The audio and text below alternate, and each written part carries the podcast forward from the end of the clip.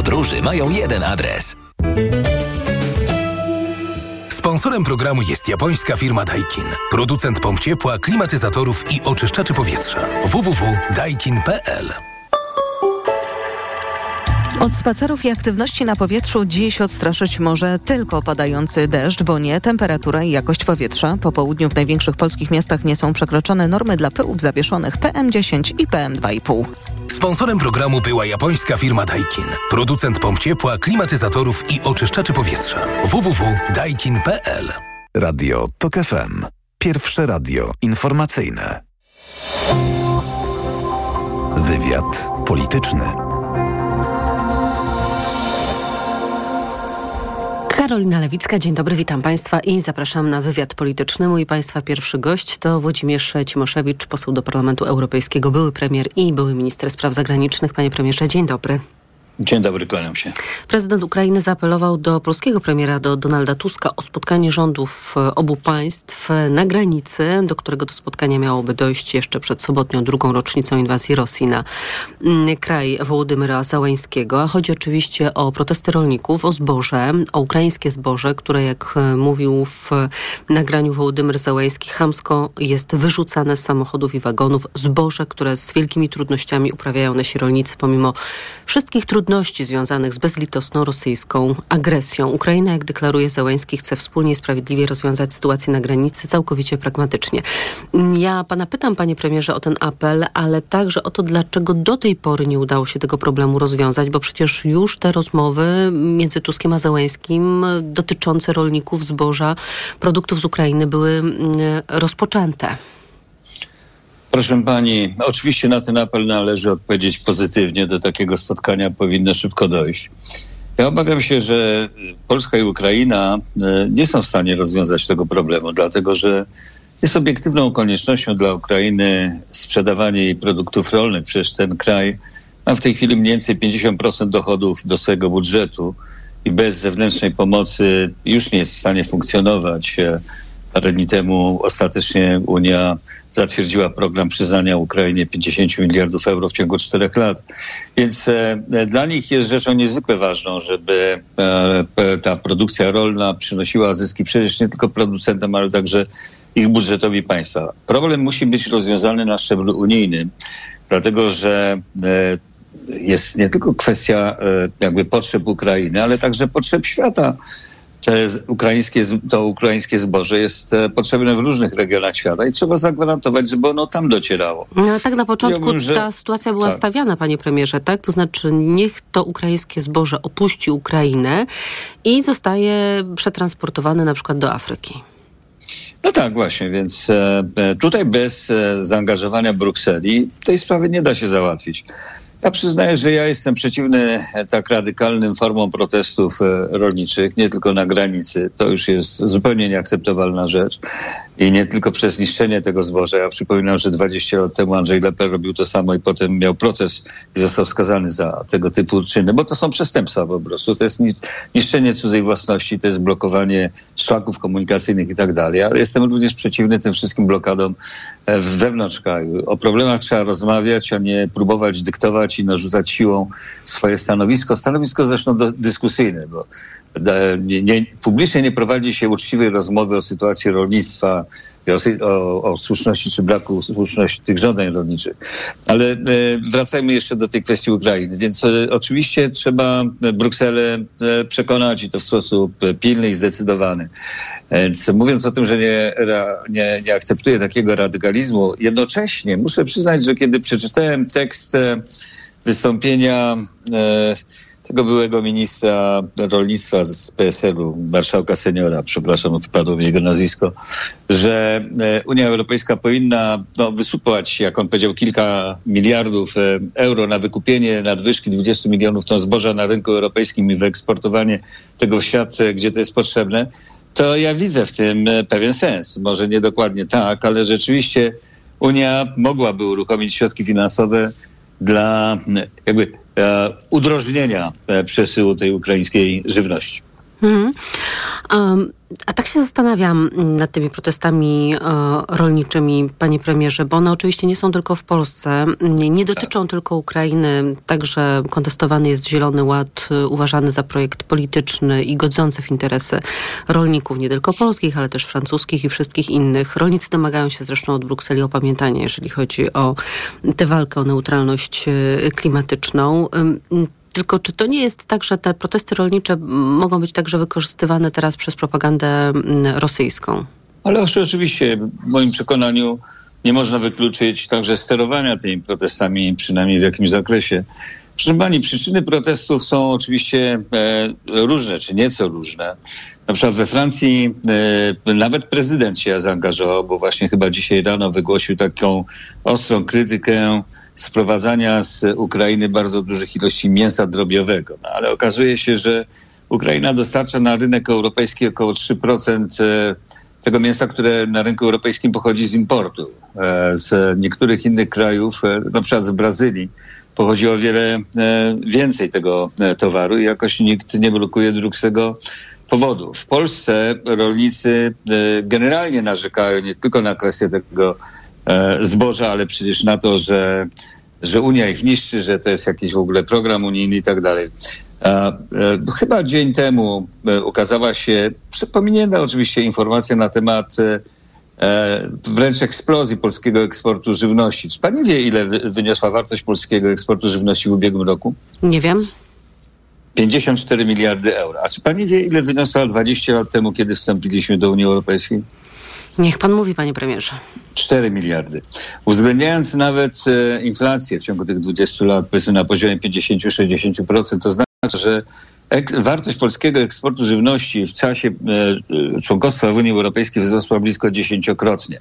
Ktoś powie, no ale na tym głównie zarabiają przetwórcy, e, eksporterzy i tak dalej. No oczywiście, że zarabiają, bo, bo to jest biznes, a biznes się robi po to, żeby zarabiać, ale nikt, nikt mi nie powie, że rolnicy na tym nie zarabiają, żeby ci przetwórcy, mleczarze, zakłady mięsne i tak dalej mogli zarabiać, to muszą przerabiać, muszą mieć co przerabiać. I to pochodzi od polskich rolników. Jednocześnie polski rynek stał się bardziej chłodny. Dzięki temu rolnicy rzeczywiście zarabiają dużo i niech nie opowiadają bajek, że się znajdują w takim tragicznym położeniu, które skłania ich do tak radykalnych form protestu. Że ta produkcja jest A... kompletnie nieopłacalna, bo to słyszymy oczywiście na tych protestach. Wie pani, e, wie pani ja nie, przepraszam, że powtarzam, nie wiem, czy pani wie. Ja jestem dyplomowanym rolnikiem, co może parę osób zdziwić i przez parę lat prowadziłem gospodarstwo rolne, dlatego wiem, o czym mówię i przez kilkadziesiąt lat zaangażowania w polityce uważnie przysłuchiwałem się temu, co mówią rolnicy. Ja pamiętam w gruncie rzeczy wyłącznie protesty z tego powodu, że padał deszcz, albo z tego powodu, że deszcz nie padał, z tego powodu, że był śnieg, albo mróz, albo że tego nie było. Tak naprawdę słyszałem zawsze pretensje i e, powiedziałbym takie e, grupowe e, domaganie się a to preferencyjnych kredytów, a to dodatkowych subsydiów i tak dalej, i tak. Rolnictwo jest a, tym działem gospodarki, przynajmniej polskiej, w którym ludzie zatrudnieni poprawili swoją sytuację życiową najbardziej, najlepiej ze wszystkich grup zawodowych po wejściu Polski do Unii Europejskiej. No tak, niewątpliwie rolnicy byli głównymi beneficjentami mm, e, naszego wejścia do Unii.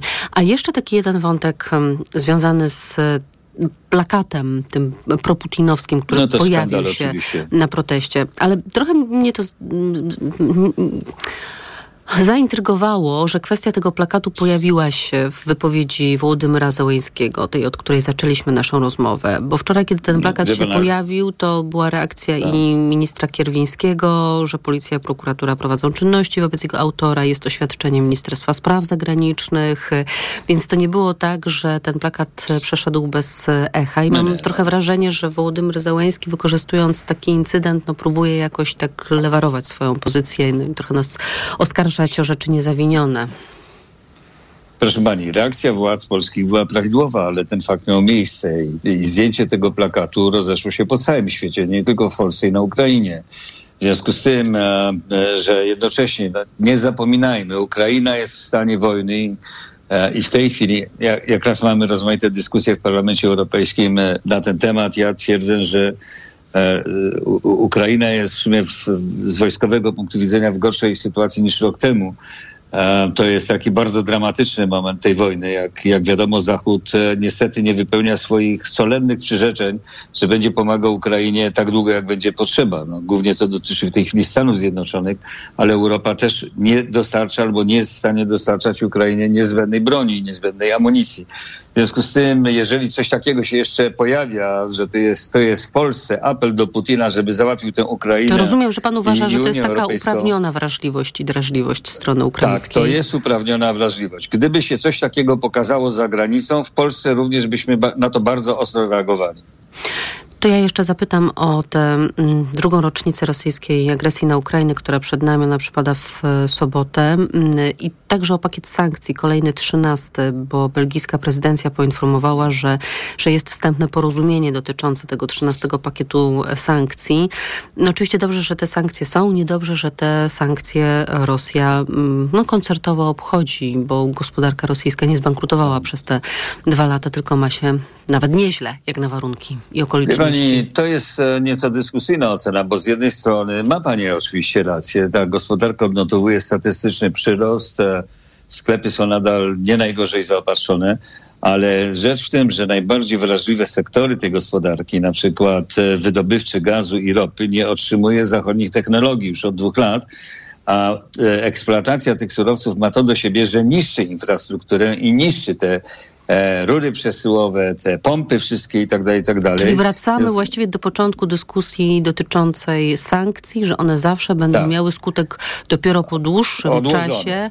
Natomiast mhm. prawdą jest, że sankcje są obchodzone. My w przyszłym tygodniu będziemy na posiedzeniu w Strasburgu dyskutowali o tej drugiej rocznicy, przyjmiemy odpowiednie stanowisko, odpowiednią rezolucję i w moich propozycjach, które zaakceptowała moja grupa, mój klub parlamentarny, znajduje się wezwanie do tego, żeby z jednej strony sankcjami personalnymi objąć zgodnie z tak zwaną listą Nawalnego co najmniej 6 tysięcy osób z rozmaitych oficjeli rosyjskich, ale po drugie, że trzeba rozpocząć w Unii Europejskiej poważną dyskusję na temat tak zwanych wtórnych sankcji, secondary sanctions, a więc przeciwko krajom, które obchodzą sankcje, które pomagają Rosji obchodzić sankcje.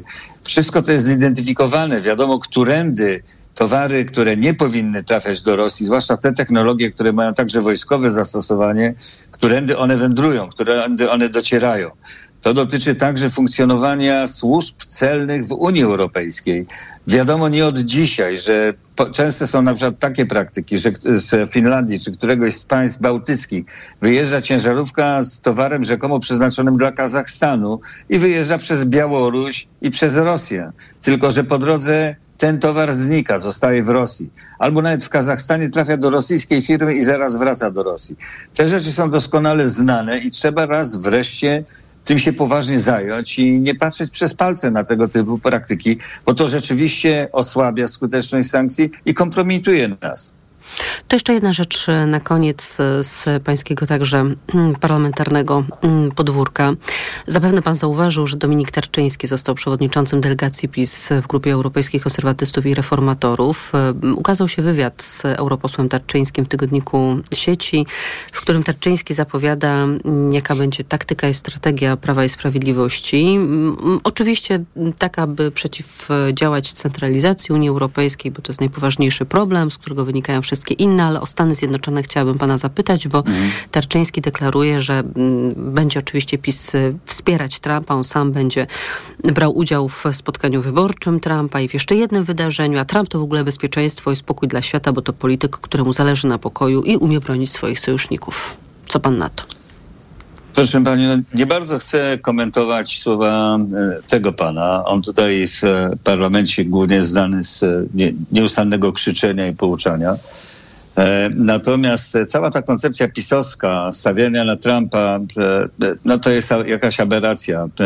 Cały demokratyczny świat jest bardzo zaniepokojony perspektywą taką, że, że Trump może ponownie zostać wybrany. Pamiętamy przecież jego e, kadencję. Pamiętamy, że przez cztery lata ten facet wypisał i wypowiedział, chyba policzono mu ze 20 tysięcy ewidentnych kłamstw. Pamiętamy atak na Kapitol, jedyny w historii Stanów Zjednoczonych i to z jego podczucia, jego, on, popychał ten tłum do tego. Pamiętamy jego zachowanie w stosunku do partnerów, sojuszników, w tym także natowskich.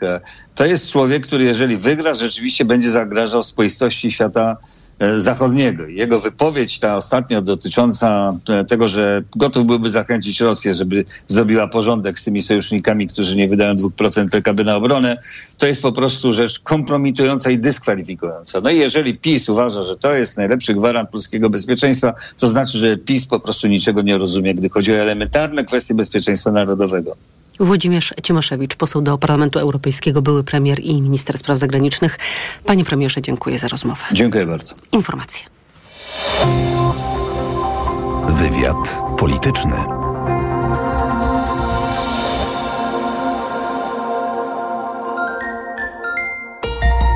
Od światowych rynków. O Twój portfel. Raport gospodarczy. Mówimy o pieniądzach. Twoich pieniądzach. Słuchaj od wtorku do piątku po 14.40.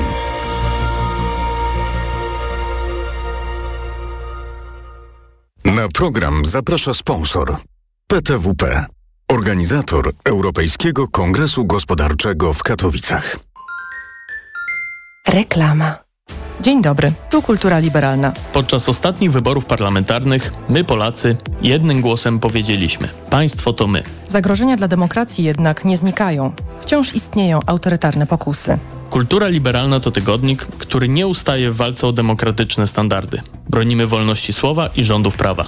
Jako organizacja pożytku publicznego prosimy, przekażcie Państwo 1,5% podatku na niezależnych dziennikarzy. Z serca Państwu dziękuję. Karolina Wigura. Adam Józefiak. Jako dietetyk na wątrobę zawsze polecam Prolifer, ponieważ zawiera składniki wspierające właściwą pracę wątroby. Często ze względu na dietę, wiek czy masę ciała zwracam uwagę na poziom cukru we krwi. Wtedy proponuję nowość Proliver Diabeto. Suplement diety Proliver Diabeto dba o wątrobę, a dodatkowo zawiera wysoką dawkę morwy białej, która przyczynia się do utrzymania prawidłowego poziomu cukru. Stosując Proliver Diabeto osiągamy obie te ważne korzyści. Proliver Diabeto, zdrowa wątroba i prawidłowy poziom cukru. Aflofarm. Wyciąg z liści garczocha wspiera utrzymanie zdrowej wątroby. Nowe wysokie obcasy ekstra. Magdalena Różczka. Dbanie o bliskich daje mi siłę. Temat numeru. Dlaczego odkładamy rzeczy na później? Nowe wysokie obcasy ekstra z prezentem. Kwasowym peelingiem do stóp w kremie Nivelacjone. Już w sprzedaży. Poznaj mega sposoby na oszczędności w Rosmanie. Między innymi serum do rzęs Long for Lashes. Najniższa cena z 30 dni przed obniżką 84,99, a teraz tylko 39,99. Mega Ci się opłaca. Rosmanie. Kochanie, kupiłaś patyczki do uszu? Nie, polecono mi coś innego. Spray do czyszczenia uszu Akustone. Zawiera aż trzy naturalne oleje, dzięki czemu Akustone szybko rozpuszcza i pomaga usunąć zalegającą woskowinę. Słusznie, od razu słyszę poprawy. Akustone to najlepszy sposób na czyszczenie uszu. Akustone. Słuszny wybór. To jest wyrób medyczny. Używaj go zgodnie z instrukcją używania lub etykietą. Akustone rozpuszcza zalegającą woskowinę, przeciwdziała powstawaniu korków woskowinowych lub zaleganiu wody w przewodzie słuchowym. Aflofarm. Barbara, mhm. widziałaś nowe mega okazje w Media Expert? Widziałam, Marian, i są te produkty, na które polujemy. No to dajesz, Barbara, dajesz. Mhm. Mega okazje w Media Expert. Na przykład lekki laptop Asus Intel Core i5 do pracy i nauki. Najniższa cena z ostatnich 30 dni przed obniżką 2499 zł 99 groszy. Teraz za jedyne 2199 z kodem rabatowym taniej o 300 zł. Gdy za oknem zawierucha, cierpi na tym nos malucha. Aromactive, plaster mały wnet uwalnia zapach cały i troskliwie nos otacza. Lekki oddech szybko wkracza. Aromactive zmniejsza troski, pielęgnuje małe noski. Dostępny w aptekach. Reklama. Radio TOK FM. Pierwsze radio informacyjne. Informacje TOK FM. Dochodzi 17.21. Anna Draganek-Weiss, zapraszam. Prezydent Ukrainy zwrócił się do premiera Donalda Tuska o spotkanie na granicy przedstawicieli rządów obu krajów. Apel Wołodymyra Załańskiego jest pokłosiem blokady przejść granicznych z Ukrainą przez polskich rolników. Załański zaproponował, aby do spotkania doszło jeszcze przed przypadającą w sobotę drugą rocznicą inwazji Rosji na jego państwo. Jak Poleciłem naszemu rządowi w najbliższym czasie do 24 lutego przybyć na granicę między naszymi państwami. Szef rządu Ukrainy, cały nasz rząd, od logistyki do sektora rolnego i oczywiście minister obrony Ukrainy, ponieważ ta blokada na granicy niestety zwiększa zagrożenia dla dostaw broni dla naszych żołnierzy na froncie. Zełański poprosił prezydenta Andrzeja Dudę o wsparcie tego dialogu. Zaapelował też o uczestnictwo w spotkaniu z polskim rządem przedstawiciela Komisji Europejskiej ze względu na, jak powiedział, wspólne interesy i powstrzymanie politycznych manipulacji. Siły rosyjskie rozstawiły 48 wyrzutni pocisków Iskander wzdłuż granicy z Ukrainą. Jak poinformował wiceszef ukraińskiego wywiadu wojskowego, doszły dwie wyrzutnie, a Rosjanie stworzyli też dodatkową grupę taktyczną, która jest wykorzystywana właśnie do wystrzeliwania rakiet balistycznych z terytorium Rosji. Siły rosyjskie regularnie atakują Ukrainę rakietami krótkiego zasięgu Iskander. Słuchasz informacji TOK FM. Koszty tankowania wciąż rosną. Podwyżki ceny najbardziej odczują kierowcy samochodów z silnikami diesla. E, Patrol.pl informuje, że litr oleju napędowego w ostatnich dniach podrożał o 9 groszy i obecnie kosztuje 6,72. Litr benzyny 95 podrożał od połowy lutego o 5 groszy, a średnia ogólnopolska cena wynosi obecnie 6,47. Najmniej, bo o 2 grosze podrożał autogaz, kosztuje średnio 2 zł i 94 grosze. Kolejne informacje w TOK FM o 17.40, a już teraz prognoza pogody.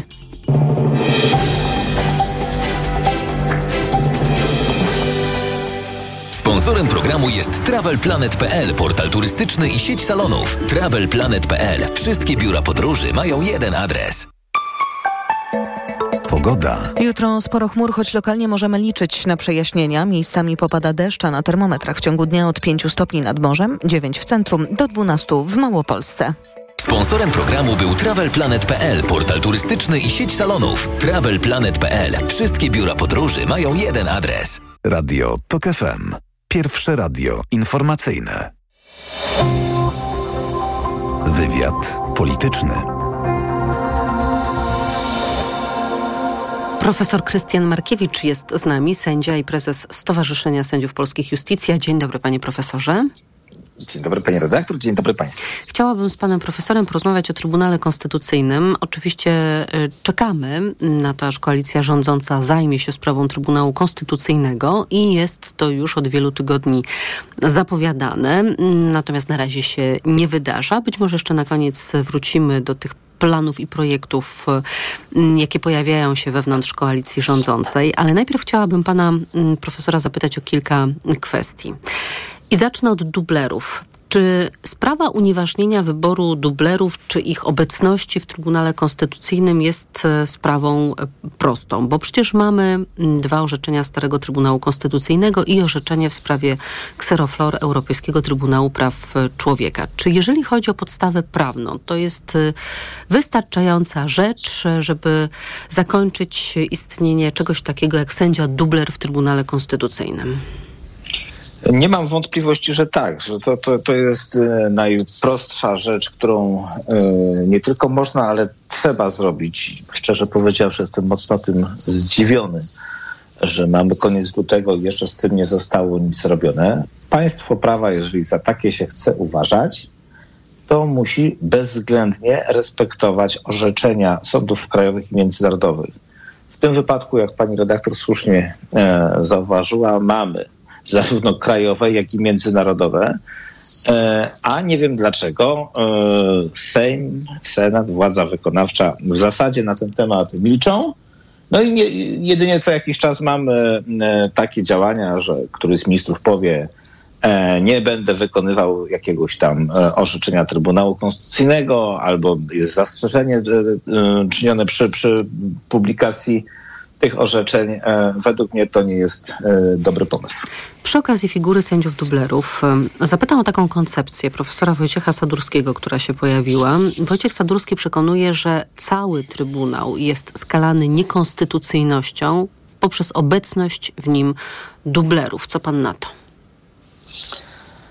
Ja uważam, że bardzo mocne podstawy dotyczą nie tylko tej trójki dublerów i obecnie już następców dublerów, Ale przypomnę, że e, e, to już było dawno temu, bo 2 grudnia 2015 roku Sejm wówczas wybrał e, pięciu sędziów Trybunału Konstytucyjnego, mimo że Trybunał Konstytucyjny wydał postanowienie o e, zabezpieczeniu, czyli powiedział, że Sejm nie może dalej procedować. E, Ja przychylam się do tego stanowiska, że cała ta piątka, czyli nie tylko trójka duberów, ale też te dwie pozostałe osoby, czyli e, między innymi pani prezes Przyłębska i pan sędzia Pszczółkowski zostali wybrani w sposób naruszający to orzeczenie i w moim przekonaniu wadliwie. Tak samo e, w moim przekonaniu e, e, dwójka sędziów, pani profesor Krystyna Pawłowicz oraz pan prokurator Piotrowicz. e, Piotrowicz e, nie spełniali e, kryterium wieku, jeżeli chodzi o, o, o wybór. Więc co do tej siódemki, mamy bardzo mocne podstawy, żeby móc stwierdzić nie- nielegalność ich wyboru. Oczywiście znam e, koncepcję pana profesora e, Sadurskiego. Myślę, że e, wiele argumentów przemawia za tym, żeby mówić o, o, też o- o wadliwości co do pozostałych osób. No tylko tu jest pewien, pewien problem dotyczący tego, kto miałby, w, w, jakim trybie należałoby stwierdzić taką, Mm. to, to skalanie tych po, pozostałych No nie osób. uchwałą Sejmu, prawda? Chyba by nie wystarczyła. No, e, mogłoby być tutaj rzeczywiście bardzo trudno. No, jesteśmy też w trudnej sytuacji, no bo ten organ już przestał być sądem, jest organem politycznym i w zasadzie e, stara się, stał się graczem na, na scenie e, politycznym, który w sposób istotny utrudnia e, rządzenie państwem przez władzę wykonawczą, a właśnie po to jest władza e, wykonawcza. Coś z tym fantem trzeba zrobić. E, W jakiejś mierze jest to dla mnie dziwne, bo wszyscy przecież wiedzieliśmy, czym jest Trybunał Konstytucyjny, kto tam zasiada. A e, dyskusje na ten temat trwają. Najpierw słyszeliśmy, nie wiem, e, 15 października, że zaraz w ciągu tygodnia, dwóch na najbliższym posiedzeniu Sejmu zostanie to wszystko mocno wyjaśnione co do Krajowej Rady Sądownictwa i Trybunału Konstytucyjnego. I mijają kolejne tygodnie, kolejne tygodnie i e, można, e, można zapytać, co się musi stać, co się musi stać, żeby rzeczywiście tym problemem się wreszcie zająć. żeby maszyna ruszyła. To jeszcze dopytam o sędziów Pawłowicz i Piotrowicza. Mm, Pan przypomniał, że oni w dniu zaprzysiężenia byli już w wieku stanu spoczynku dla sędziów, bo mieli po 67 lat. Ale też czytałam bardzo ciekawy tekst Ewy Siedleckiej mm, w Polityce, która mm, przekonuje, że ponieważ uchwała Sejmu nie jest źródłem prawa, no to zakwestionowanie ich obecności w Trybunale musiałoby mieć jakąś podstawę, na przykład prawomocny wyrok sądu. Mógłby taki wyrok zapaść, na przykład w sprawie ustalenia stosunku pracy, ale to pracodawca, czyli Julia Przyłębska musiałaby skierować sprawę do sądu, a tego się raczej po Julii Przyłębskiej spodziewać e, nie można. Więc jak można byłoby zakwestionować e, prawnie obecność m, Krystyny Pawłowicz i Stanisława Piotrowicza w Trybunale? To wszystko y, y, też nie jest takie proste, że czy, czy uchwały mają y, moc prawną, żeby nie tylko stwierdzać pewne rzeczy, ale także tworzyć określony stan prawny. To, to, to tak prosto nie działa i nie jest to takie jednoznaczne. Też wydaje się, że, że po tych wielu latach my się nauczyliśmy już nie tylko jako prawnicy, że należy rzeczywiście poszukiwać różnych narzędzi prawnych w takich procesach o ustalenie, że ktoś nie został skutecznie powołany, wcale nie tylko e, legitymację ma e, pracodawca. Ja przypomnę, że przecież e, kilkoro sędziów, e, jestem w tej, w tej, w tej, przecież w tej grupie, wystąpiliśmy swego czasu z powództwem o ustalenie, że no, sędziowie w Sądzie Najwyższym nie są sędziami tego Sądu Najwyższego z uwagi na wadliwość ich powołania. Akurat te akta zostały e, zawłaszczone przez panią e, Manowską i chyba częściowo są właśnie w Trybunale Konstytucyjnym. To jest taki depozyt, gdzie się przechowuje różne e, fanty w rozumieniu neosędziów, ale te sprawy są w toku, są w grze. Więc mnie się wydaje, że, że należałoby spróbować rozwiązać taką sytuację i przesądzić przez sąd tak, taką sprawę. Być może trze- trzeba by się zastanowić, czy Sejm, który dokonuje wyboru, bądź marszałek Sejmu, jako reprezentant przecież tego Sejmu, czy taką legitymację ma, czy nie ma. Nieraz nie ma prostych odpowiedzi w życiu, w prawie, ale od tego są sądy, żeby rozstrzygnęły pewne wątpliwości. Wiem jedno, że jak się nie spróbuje, to się nie przekona. Więc nie przestańmy już w sobie, jak to w naszym kraju się często dzieje, tłumaczyć tego, dlaczego się czegoś nie da zrobić. Dlaczego są same złe rozwiązania? Tylko wreszcie zacznijmy próbować coś robić, a nie rozkładajmy rogi i powiedzieć, no nic się nie da, poczekajmy. Poczekajmy, aż Krajowa Rada Sądownictwa przestanie działać, bo się skończy kadencja. Do tego czasu zostanie przejęty trzy razy Sąd Najwyższy, będzie powołanych 500 neosędziów. Nic nie róbmy z Trybunałem Konstytucyjnym, który e, został e, zakwestionowany. Niech dalej będzie tym e, organem, który zamiast być organem sądowym jest organem politycznym. No chyba nie tego oczekiwali wyborcy. To teraz co zrobić z prezesurą Julii Przyłębskiej? Do, wracamy do tego, co pan powiedział przed chwilką, że mm, pańskim zdaniem panie profesorze Julia Przyłębska i pan Pszczółkowski także zostali nieprawnie wybrani do Trybunału, ale gdybyśmy zostawili tę pańską opinię, no to prezesura Julii Przyłębskiej mm, też e, dwie, poważne wątpliwości. Po pierwsze kwestia tego, że prawdopodobnie Julia Przyłębska nigdy nie była prezesem Trybunału Konstytucyjnego, bo została na to stanowisko wybrana z naruszeniem przepisów uchwalonych zresztą przez Prawo i Sprawiedliwość, a nawet gdybyśmy to pominęli, no to jej kadencja wygasła w grudniu 2022 roku, a Julia Przyłębska trzyma się swojego stanowiska. No i mamy jeszcze w Trybunale Sprawiedliwości Unii Europejskiej skargę Komisji Europejskiej w sprawie Polskiego Trybunału Konstytucyjnego. Mm, właśnie y, ta skarga kwestionuje pewne fragmenty istnienia i działania Trybunału, w tym prezesurę Julii Przyłębskiej. To, rozumiem, mogłoby być podstawą prawną do tego, żeby w jakiejś y, niedalekiej przyszłości przyszłości Julii Przyłębskiej podziękować. Tak, tylko że wydaje mi się, że to jest e, droga e, dużo bardziej kręta i dłuższa. No możemy liczyć na to, że kiedyś być może Trybunał e, Sprawiedliwości Unii Europejskiej coś na ten temat powie, tak? Ale mamy dużo prostsze narzędzie, które ja rozumiem, że może trzeba będzie 14 razy powiedzieć, może 44, czyli wybór kogoś w sposób sprzeczny z orzeczeniem sądowym. E, I e, można wyszukiwać e, jakieś inne uzasadnienie, inną argumentację, ale, ale ona jeszcze nie została stwierdzona przez żaden sąd.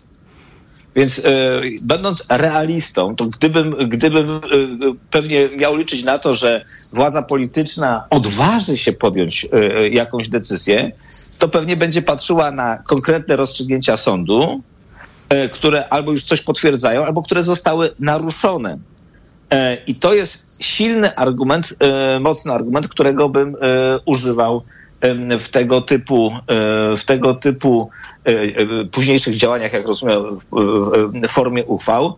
Ale bardzo ważny jest przekaz w tym wszystkim, żeby wytłumaczyć ludziom, o, o co chodzi.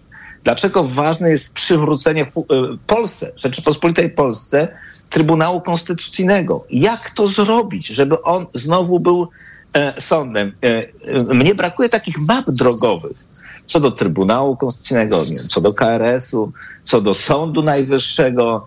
Tak, e, e, patrzę na to jako, jak na takie nieraz dość przypadkowe zachowania, z których albo coś wyjdzie, albo nie wyjdzie. Albo coś się uda zrobić w jednym tygodniu, albo się znowu nie uda, bo będzie coś odwołane. Potrzebny jest pewien e, plan działań na przywracanie praworządności w miarę konkretny. Plan na plan przywracania praworządności ma Julia Przyłębska. Jeszcze o komentarz do tej sytuacji pana poproszę, która kazała wzmocnić ochronę siedziby Trybunału Konstytucyjnego. Uniemożliwiono też pracownikom wchodzenie do tej części budynku, w której rezyduje sama prezes Przyłębska i sędziowie. Po prostu karty pracownicze już nie otwierają drzwi do tej części a, gmachu, czyli jak rozumiem okopuje się Julia Przyłębska. E, no myślę, że tak, że, że to jest przygotowanie na e, takie działanie e, siłowe.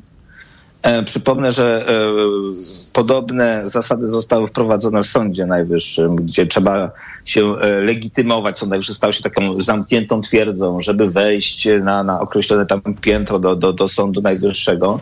No tu widocznie jest takie, takie podejście, że może być jakaś próba siłowego e, przejęcia budynku zgodnie z zasadą, kto ma budynek, ten ma w tym budynku władzę, ma cały, e, cały urząd. E, no ale to już jest, powiedzmy sobie, jakieś działanie pewnie skrajne. Ważne jest to, żeby był przekaz, żeby jasno ktoś powiedział, czy marszałek Sejmu, czy, czy, czy przedstawiciele partii rządzącej, jednej, drugiej czy trzeciej, jak to jest, czy wybór kogoś w sposób sprzeczny z orzeczeniem sądu, albo wybór, y, który jest potwierdzony, że jest wadliwy, jest w oczach obecnie rządzących, tej koalicji, która miała być w założeniu koalicją przywracającą państwo prawa. Czy taki wybór jest skuteczny, czy nie?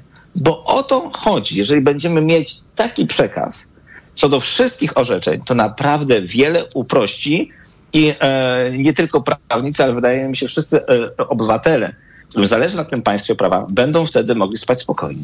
Profesor Krystian Markiewicz był moim Państwa gościem, sędzia, prezes Stowarzyszenia Sędziów Polskich Justicja. Dziękuję za rozmowę. Bardzo dziękuję. Informacje. Wywiad polityczny. Reklama. W urodzinowej loterii Kaufland Card każdy może Od 15 lutego do 13 marca zrób zakupy z Kaufland Card. Odbierz i zarejestruj zdrabkę i wygrywaj tysiące nagród. Między innymi rodzinny samochód Skoda Octavia. Idę tam, gdzie wszystko mam. Kaufland. House of Diamond. Jedyne atelier diamentów w Polsce, gdzie nabywasz diamenty i tylko diamenty certyfikowane przez Instytut GIA. Gwarantujemy doskonały szlif i polerancję, doskonałą symetrię i zerową fluorescencję zgodne z międzynarodowym cennikiem Rapaport. To miejsce, w którym odczujesz szlachetność kamieni w mariażu ze sztuką. Ambasadorka marki Małgorzata Foremniak. www.houseofdiamond.pl Fabryka Norblina. Warszawa. Dlaczego babcia ma wielkie oczy? Bo nadziwić się nie może, że to już dziesiąta edycja konkursu Biedronki Piórko 2024. Masz w głowie książkę dla dzieci? Napisz ją i zdobądź 100 tysięcy złotych w konkursie dla debiutujących pisarzy. Najlepsza książka trafi na półki sklepów sieci Biedronka w całym kraju w tym roku. Otwórz oczy swojej wyobraźni. Masz czas do 21 marca. piorko.biedronka.pl W aptece jest wiele produktów zwalczających objawy menopauzy. To który wybrać? Femitoninę, bo jej składniki wspierają w dzień i w nocy. Branie tabletek na dzień i na noc jest uciążliwe. Ale femitonina to tylko jedna tabletka na dobę stosowana wieczorem. W nocy wyciąg z szyszek chmielu wspiera utrzymanie spokojnego snu, a w dzień wyciąg z czerwonej koniczyny łagodzi uderzenia gorąca. Pewnie dużo kosztuje. Nie, tylko 25 zł za 30 tabletek. Suplement diety Femitonina. Jedna tabletka na objawy menopauzy. Aflofarm. Chcesz mieć jeszcze więcej frajdy, miejsca i unikatowego designu? Poznaj największe w historii Mini. Mini Countryman. Możesz mieć już od 1490 zł netto miesięcznie w leasingu dla firm. W cenie m.in. automatyczna skrzynia biegów, reflektory LED, nawigacja i asystent parkowania z kamerą. Wejdź na www.mini.com.pl, skonfiguruj i zamów swoje Mini lub odwiedź najbliższy salon. Zapraszamy na jazdę próbną. Mini Countryman. Jeszcze większa frajda z jazdy. jazdy. Ja jętruś, mało się tacemu dziwię. No ale Kiejsek do Skitimu zasedł tu. Gęba mi się rozwarła od tego, co u widziałek. Dla tych, co kochają góry, Skitim ogłoso zimowy zjazd cenowy. Narty, snowboardy, buty, łodzie z światowych marków po cenach najniższych na świecie. To do Skitimu zjeżdżaj ta, a potem po zimowych stokach pomykaj ta. Skitim. Zimowa satysfakcja. Mega okazje w Media Expert, a do tego na produkty objęte promocją do 40 lat 0% i nawet do czerwca nie płacisz. RSO 0%. Tu Michał Sutowski z Krytyki Politycznej. Kiedy mówię, że edukacja pozwala ludziom kształtować swój los, a nauczyciele muszą być dobrze opłacani, wszyscy się zgadzają. Ale kiedy mówię, że to obowiązek państwa, słyszę, że to systemowa zmiana, na którą państwa nie stać. Państwa nie stać na bieda edukację. Ten system trzeba zmienić. Systemowe zmiany wspiera krytyka polityczna, a ty wesprzyj nas, rozliczając PIT. Bo żeby w Polsce dało się i chciało żyć, musi zmienić się wiele. Przekaż 1,5% na krytykę polityczną, czyli Stowarzyszenie imienia Stanisława Brzozowskiego, żeby niemożliwe stało się możliwe. Nowe wysokie obcasy ekstra. Magdalena Różczka. Dbanie o bliskich daje mi siłę. Temat numeru. Dlaczego odkładamy rzeczy na później? Nowe wysokie obcasy ekstra z prezentem. Kwasowym peelingiem do stóp w kremie Nivelazione. Już w sprzedaży. Rodzinny posiłek to przyjemność. Dlatego kiedy starsza osoba ma problemy z apetytem, podaj jej Appetizer Senior. To suplement diety, który zawiera wyciąg z owocu kopru wspomagający apetyt i wspierający trawienie. Appetizer Senior. Aflofarm. Reklama. Radio TOK FM. Pierwsze radio informacyjne. Informacje TOK FM. Minęła 17.41. Anna Draganek-Weiss, zapraszam. Prezydent Ukrainy Wołodymyr Zełański zaapelował do premiera Donalda Tuska o spotkanie rządów dwóch państw na granicy. Zaproponował, by do tego spotkania doszło jeszcze przed przypadającą w sobotę drugą rocznicą inwazji Rosji na jego państwo. Zełański poprosił też prezydenta Andrzeja Dudę o wsparcie tego dialogu. Iran dostarczył Rosji około 400 rakiet balistycznych Ziemia-Ziemia. Informuje o tym Reuters, powołując się w sumie na sześć źródeł. Z ustaleń agencji wynika, że dostawy rozpoczęły się na początku stycznia. Źródło w armii izraelskiej, irańskiej przekazało, że doszło już do co najmniej czterech dostaw, a w najbliższych tygodniach będą kolejne. Kijów nie stwierdził jeszcze wykorzystania irańskich pocisków przez siły rosyjskie. Były minister obrony Ukrainy ocenił, że Rosja chce wzbogacić swój arsenał rakietowy w momencie, gdy przeciąga się zatwierdzenie dużego pakietu amerykańskiej pomocy wojskowej i Ukrainie brakuje amunicji, a także innego sprzętu. Słuchasz informacji TOK FM. Iga Świątek awansowała do ćwierćfinału turnieju w Dubaju. Nasza tenisistka w niespełna półtorej godziny pokonała Elinę Svitolinę z Ukrainy 6-1, 6-4. Drogowcy obiecują, że najpóźniej za dwa lata z Bielska Podlaskiego znikną jadące tranzytem i do lokalnych zakładów ciężarówki. Wojewoda Podlaski wydał właśnie pozwolenie na budowę południowej obwodnicy tego miasta. O szczegółach Jakub Medek.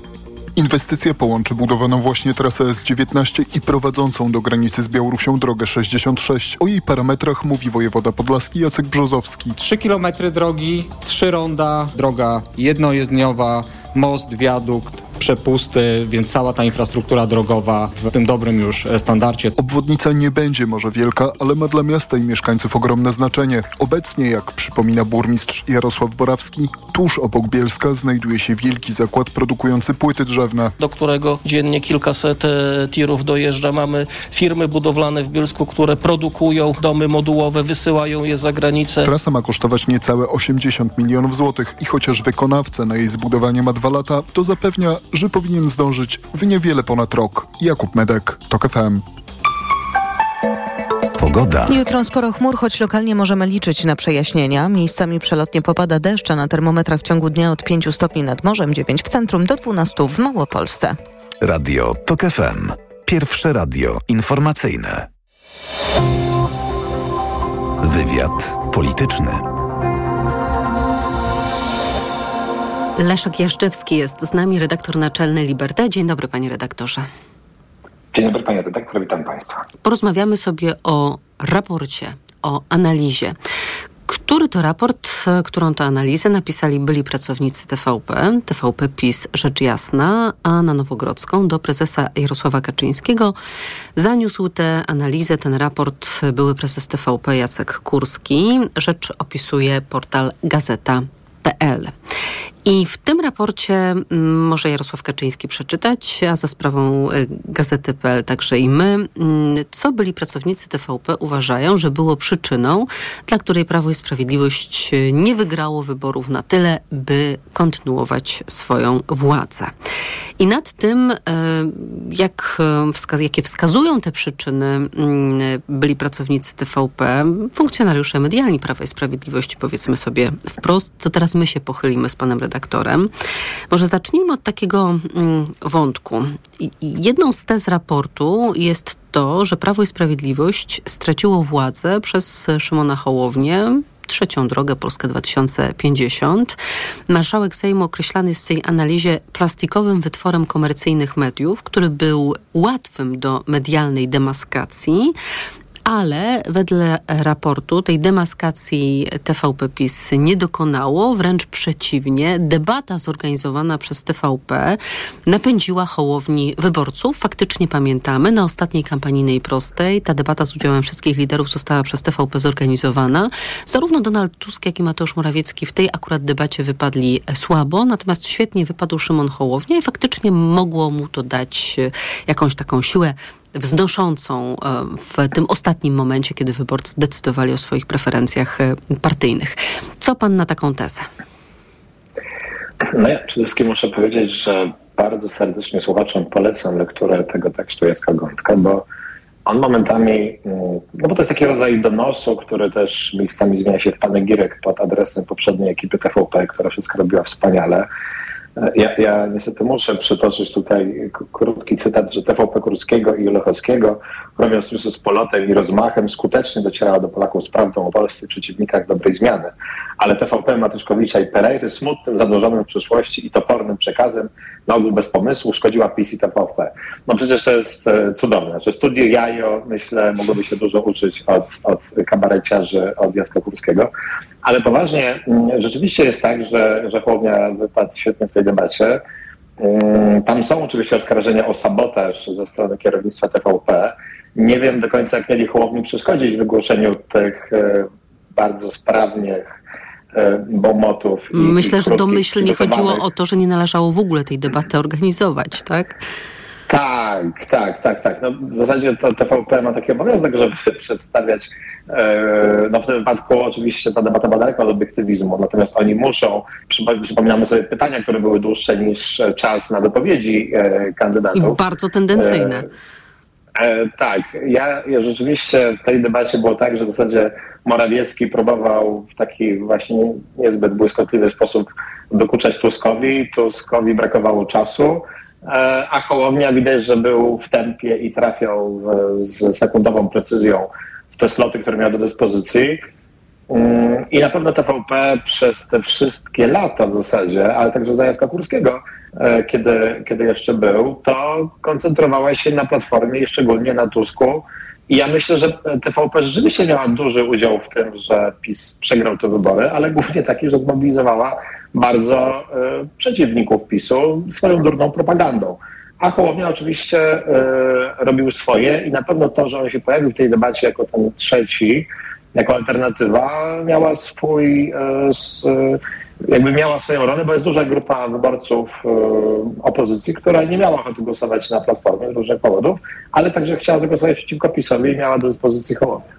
Myślę też, że taki wniosek ogólny, który mm, można wysnuć po lekturze tego raportu i omówienia mm, y, tego raportu, jest taki, że ci, którzy ten raport spreparowali, podzielają e, opinię Jarosława Kaczyńskiego, że kto ma telewizję, ten ma władzę i że bez telewizji tej władzy nie da się utrzymać, no chyba, że ma się telewizję, ale jest ona niewłaściwie zarządzana, bo oczywiście te walki frakcyjne między ludźmi Jacka Kurskiego, a potem ludźmi Mateusza Matyszkowicza są też w tym raporcie widoczne. Ale jeszcze jeden wątek właśnie związany z TVP, co mogła, a czego nie zrobiła, bo jest taka teza w tym raporcie, że TVP mogła, ale nie zmobilizowała elektoratu 60+, który najczęściej ogląda TVP i najczęściej głosuje na Prawo i Sprawiedliwość. Pan przed chwilą powiedział, powiedział, że mm, zaszedł proces odwrotny, to znaczy zmobilizowano toporną propagandą tych, którzy na PiS e, nie chcieli zagłosować i zagłosowali na kogoś innego. To znaczy, przede wszystkim musimy mieć jasność, że y, wiadomości TVP oddziaływały na znacznie szerszy krąg ludzi niż tych, którzy je oglądali. Ci, którzy je oglądali, pewnie rzeczywiście, którzy przetrwali do końca tych 8 lat PiSu, oglądając wiadomości, no myślę, że w jakimś sensie nie mieli wyjścia i zagłosowali na PiS, bo, e, bo, bo nie sądzę, że byli w stanie po prostu wytrzymać taki przekaz, e, nie mając poglądów pisowskich, no chyba, że oglądali je z obowiązku służbowego, jak niektórzy dziennikarze. Natomiast e, faktem jest, że jeśli chodzi o mobilizację wyborców w poszczególnych grupach, to sobie sprawdziłem, to rzeczywiście w każdej grupie, mm, w każdej grupie wiekowej nastąpił przyrost procentowy głosujących. No co nie jest dziwne z racji na to, że ta frekwencja w 2023 roku była e, po prostu rekordowo wysoka. Natomiast najmniejszy przyrost, bo poniżej jednego punktu procentowego był rzeczywiście tej grupie od lat 60. Natomiast największy przyrost był w grupie 50-59 lat, 24% e, prawie, a w kolejności w grupie 18-29 lat, gdzie zawsze była najniższa frekwencja, gdzie minus 22%. I mówiąc szczerze, ja nie wiem, czy mm, to było możliwe, żeby jakby mając tak toporną propagandę, jaką uprawiał wcześniej Kurski, a po nim kolejne kierownictwo z Matyczkowiczem, czy to było możliwe, żeby przyciągnąć nowych e, widzów, bo TVP i wiadomości po prostu potwornie straciły e, na rzecz innych stacji, a mm, jednocześnie e, nastąpiły pewne procesy. Myślę głównie o bardzo dużym zaangażowaniu takim oddolnym obywateli, którzy wcześniej byli zaangażowani w protesty wszelkiego rodzaju. E, to były dziesiątki tysięcy ludzi w całym kraju oraz kampanie profrekwencyjne, w tym między innymi te, które prowadziło Liberté. i tutaj z kolei nakierowane na najmłodszych wyborców. I moim zdaniem ta walka e, ze strony telewizji była przegrana już wcześniej, kiedy oni po prostu stracili jakikolwiek rezonans społeczny, możliwość docierania z takim soft przekazem. E, po prostu e, koncentrowali się na najwęższej grupie, a jednocześnie przez to, że żyjemy w świecie takim medialnym, gdzie nie ma już wyłącznie przekazów, do, do, które można puścić w radiu i nikt ich więcej nie zobaczy, nie usłyszy, te rzeczy się rozlewają.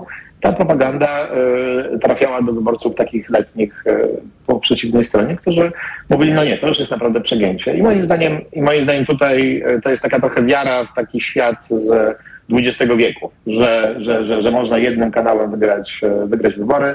Tutaj zdecydowanie wybory zostały przegrane w internecie, przegrane w sieci i, i przegrane także ze względu na tą prymitywną propagandę.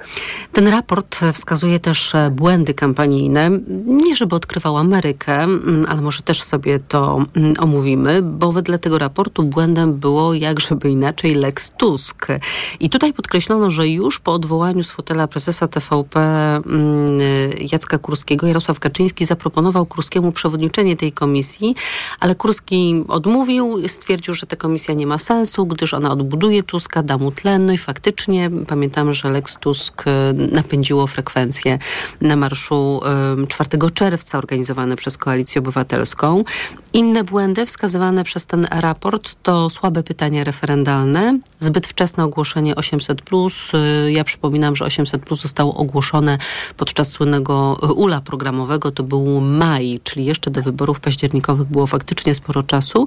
Mm, no i wcześniejsze z 2020 roku, piątka dla zwierząt i wyrok Trybunału Konstytucyjnego konstytucyjnego w sprawie aborcji, chociaż zdaniem autorów tego raportu mm, te straty poniesione jesienią 2020 roku zostały częściowo zrekompensowane przez atmosferę wynikającą z napaści Rosji na Ukrainę, czyli tak zwany efekt flagi. Choć on akurat w Polsce dość krótko się mm, utrzymał wokół rządu Prawa i Sprawiedliwości, ta konsolidacja społeczna czy, czy narodowa. No jak pan patrzy na tę diagnozę, panie redaktorze?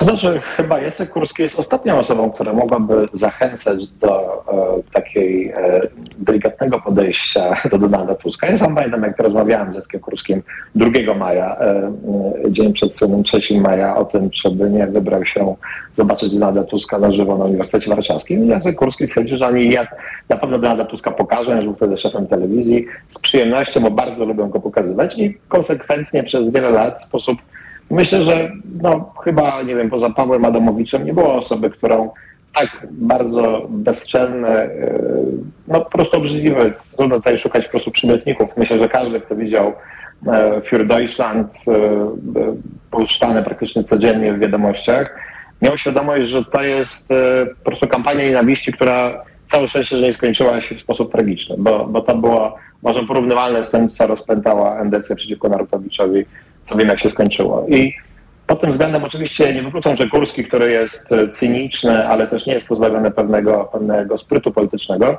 e, no mógł wcześniej, to też nie wymagało jakiegoś geniuszu, uważam, żeby wyczuć, że e, ogłoszenie takiej komisji kilka dni przed wielkim marszem, który wtedy wcale nie był pewnym sukcesem 4 czerwca, no musi się skończyć ogromnym szokiem po stronie wszystkich, którzy nie są w zwolennikami, twardymi zwolennikami PiSu. To znaczy tego, żeby metodami administracyjnymi można było komuś zabronić uczestnictwa w życiu publicznym bez możliwości odwołania się do sądu. Więc to był tak duży szok, że nawet konkurencja Tuska, to znaczy Kosiniak, Kamysz i Hołownia musieli się na marszu wyświetlić. Więc to na pewno był tragiczny błąd taktyczny, który myślę, że dał ogromną energię, bo ten marsz potem był jakby spowodował kolejną, um, kolejną falę mobilizacji. To na pewno był ogromny taktyczny błąd na ostatniej prostej PiSu. Na pewno zgadzam się tutaj z autorami raportu. To tak dane e, pokazują, że e, wyrok Trybunału, który jednoznacznie był tożsamiony z decyzją Jarosława Kaczyńskiego, bo jak wiemy, to jego kulinarne odkrycie e, pani Przełębska po prostu jej rękami się posłużył, żeby ten haniebny wyrok na kobietę ogłosić, że zdecydowanie PiS tych strat nigdy nie odrobił, nawet w czasie wojny, najazdu Rosji na Ukrainę. Mm, I szczerze mówiąc, e, to są takie pewne zdroworozsądkowe, zdroworozsądkowe uważam odkrycia, mm, ale PiS też stracił bardzo, uważam na tym, że 800 plus e, był efekt wow przez chwilę, ale Tusk go zniwelował błyskawicznie, ogłaszając, że to się wyrówna. I ja nie wiem, że ogłoszenie tego kilka miesięcy przed wyborami, e, czy bliżej wyborów by coś zmieniło, bo Platforma moim zdaniem to samo by powiedziała i tak samo by zniwelowała ten efekt PiSu. Moim zdaniem PiS e, strukturalnie po prostu e, liczba wyborców e, takiej partii jak PiS w Polsce spada, a jednocześnie PiS zrobił wszystko, żeby wyborców środka do siebie zniechęcić, pokazać, że jest partią, która prowadzi nas no, na zewnątrz cywilizacji europejskiej. A w czasie wojny z Rosją Polacy wolą być po stronie bezpiecznej, czyli po prostu w Europie, a nie na takim e, dzikich polach wschodu. Dużą część tego raportu poświęcono oczywiście jak, e, temu, jak stracono TVP. Do przejęcia TVP doszło w wyniku zdrady, tak napisano i omówiono dokładnie, wskazując palcem i po nazwisku, kto zawinił, że Prawo i Sprawiedliwość TVP już nie posiada, a jak mówi raport, TVP była do utrzymania przez PiS i mogła stać się ogólnopolskim centrum oporu i miejscem czynnego strajku sprzeciwu wobec rządu Donalda Tuska. Leszek Jażdżewski, redaktor naczelny Liberté, był moim Państwa gościem. Panie redaktorze, dziękuję za rozmowę. Dziękuję bardzo, do usłyszenia. Państwu dziękuję za wspólnie spędzony czas. Wywiad polityczny wydawał Tomasz Krzemiński, a zrealizował go Adam Szurej. Za chwilę Tomasz Setta zaprosi Państwa na TOK 360. Ja polecam czwartkowy poranek w Radiu TOK FM. Z wszystkimi chętnymi słyszymy się jutro tuż po siódmej. Życzę Państwu dobrego wieczoru. Do usłyszenia. Wywiad polityczny. Reklama. Kierowco, jedź prosto do celu z nawigacją Garmin Drive Smart, która dostosuje trasę do sytuacji w czasie rzeczywistym. Poinformuje o korkach, punktach kontroli i fotoradarach. Wizualizacja budynków w 3D ułatwi orientację w terenie. Prowadź bezpiecznie z wygodną funkcją sterowania głosowego i siedmiocalowym bezramkowym wyświetlaczem. Kup w Media Expert nawigację Garmin Drive Smart 65 w super cenie za 550 zł. Szerokości. Rutozyt ze składnikami wspierającymi odporność to moja tarcza ochronna jesienią